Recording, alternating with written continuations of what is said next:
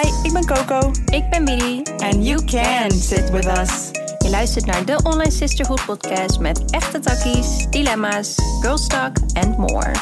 Join ons in deze online safe space. We got you.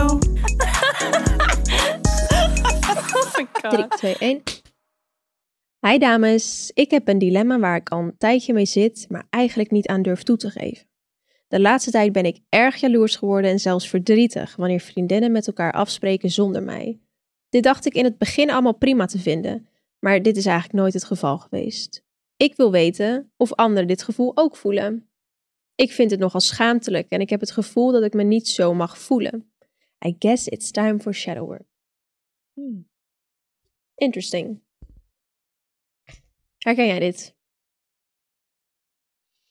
Ja, maar van vroeger. Mhm. Ik had het vroeger heel erg. Maar heb ik mijn heel ver weg.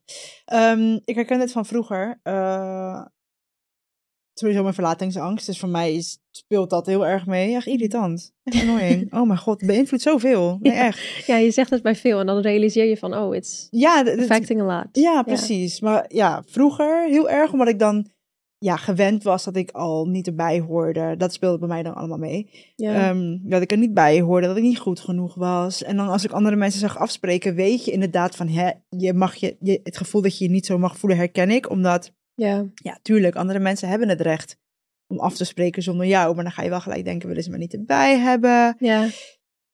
Ja, ik, Ja. ik herken dit van vroeger, nu niet meer. Dus het zit hem wel altijd in de kern van, ik hoor er niet bij, ik ben niet goed genoeg. Ja, Dat is je kern van het probleem, probably. mm, waarschijnlijk. Ik, bij ja, mij probably. toen wel. Ja, ja. ja.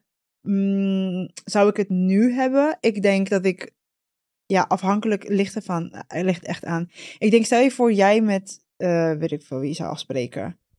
Ehm, ja, jij hebt het recht daarop. Ik zou het heel leuk vinden. Maar stel je voor, het is anders, man. Want stel je voor, je komt naar Rotterdam en jij denkt van, je, je checkt mij niet. Dan zou ik wel denken, oké, ja, Ja. jammer. Maar je hebt er recht op. Maar als ik op een gegeven moment dat zou Nou, blijven dat voelen. gebeurt trouwens wel vaak. En dan ben ik met Joelle.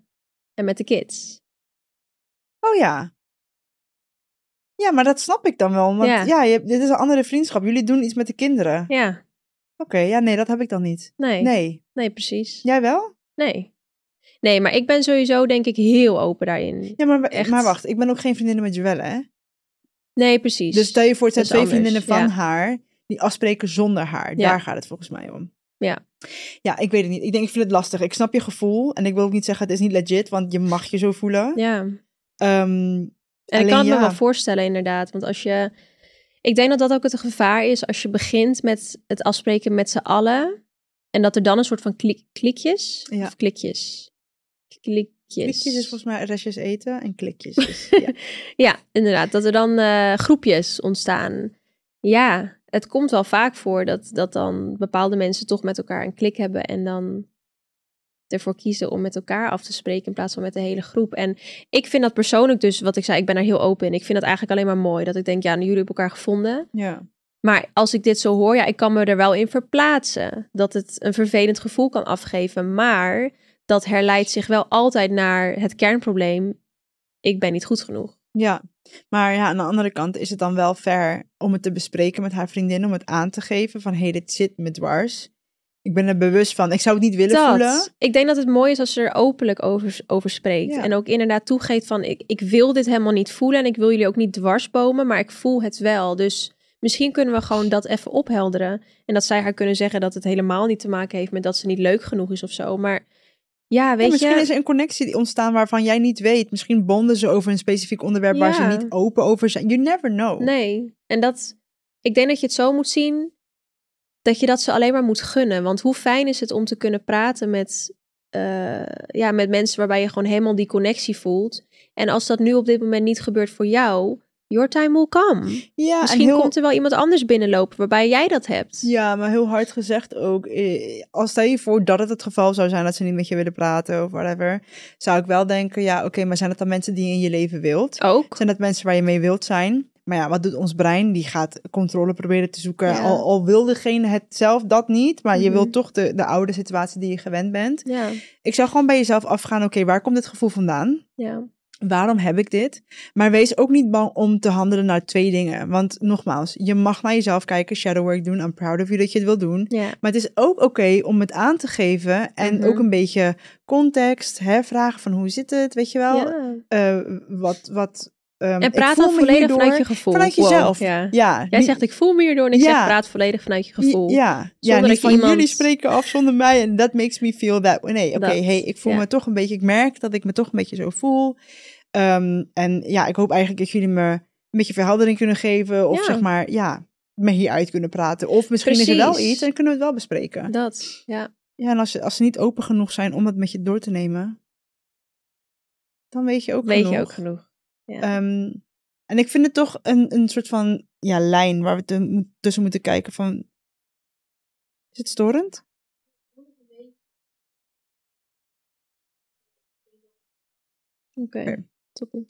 Wat is de dunne lijn tussen naar jezelf kijken en jezelf helemaal gaan fixen en met een ander bespreken? Ja, soms kan je gewoon beide doen. Allebei. Ja, het Ja. is niet alleen maar te kijken naar ik heb issues. Ja, Nee. vast. Als in, ik heb er ook. maar snap je wat ik bedoel? Ja. Het, het mag allebei. Ja. En, Ja. ja. en misschien ergens ook, blijkbaar zoekt ze toch die validatie dan in anderen. Met eh, ik wil leuk gevonden zijn. Vind je zelf ook leuk? Ja, maar ik vind dat ook niet gek. We zijn uiteindelijk ook sociale wezens. Dat De een heeft wat meer behoefte aan dan de ander. is zeker waar. Alleen ik denk wel dat het belangrijk is dat je dat ook bij jezelf voelt. 100 procent. Ja. 100 Dus die shadow work mag. Doe het vooral. ja. Het is alleen maar goed voor je. Je kan er nooit kijk, slecht aan doen. Ja, kijk waar het, het gevoel vandaan komt. Maar wees ook bewust van dat je het ook zou moeten kunnen bespreken met je vrienden. Vanuit je eigen, sprekend vanuit je eigen gevoel. Ja. Want als dat niet inderdaad niet het geval is en als ze daar niet voor openstaan, dan moet je je afvragen of het wel de juiste mensen om je heen zijn. Je mag behoefte hebben aan eh erbij horen, ja. maar ook met jezelf. Precies.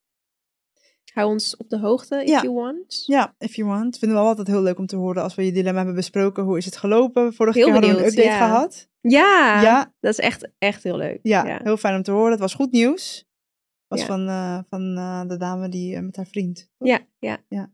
Ja, en jullie kunnen ook meekletsen in de Q&A-box hieronder bij de episode op Spotify. Dus ehm, ja, Ik ben benieuwd. laat het ons allemaal weten. Bye. Bye!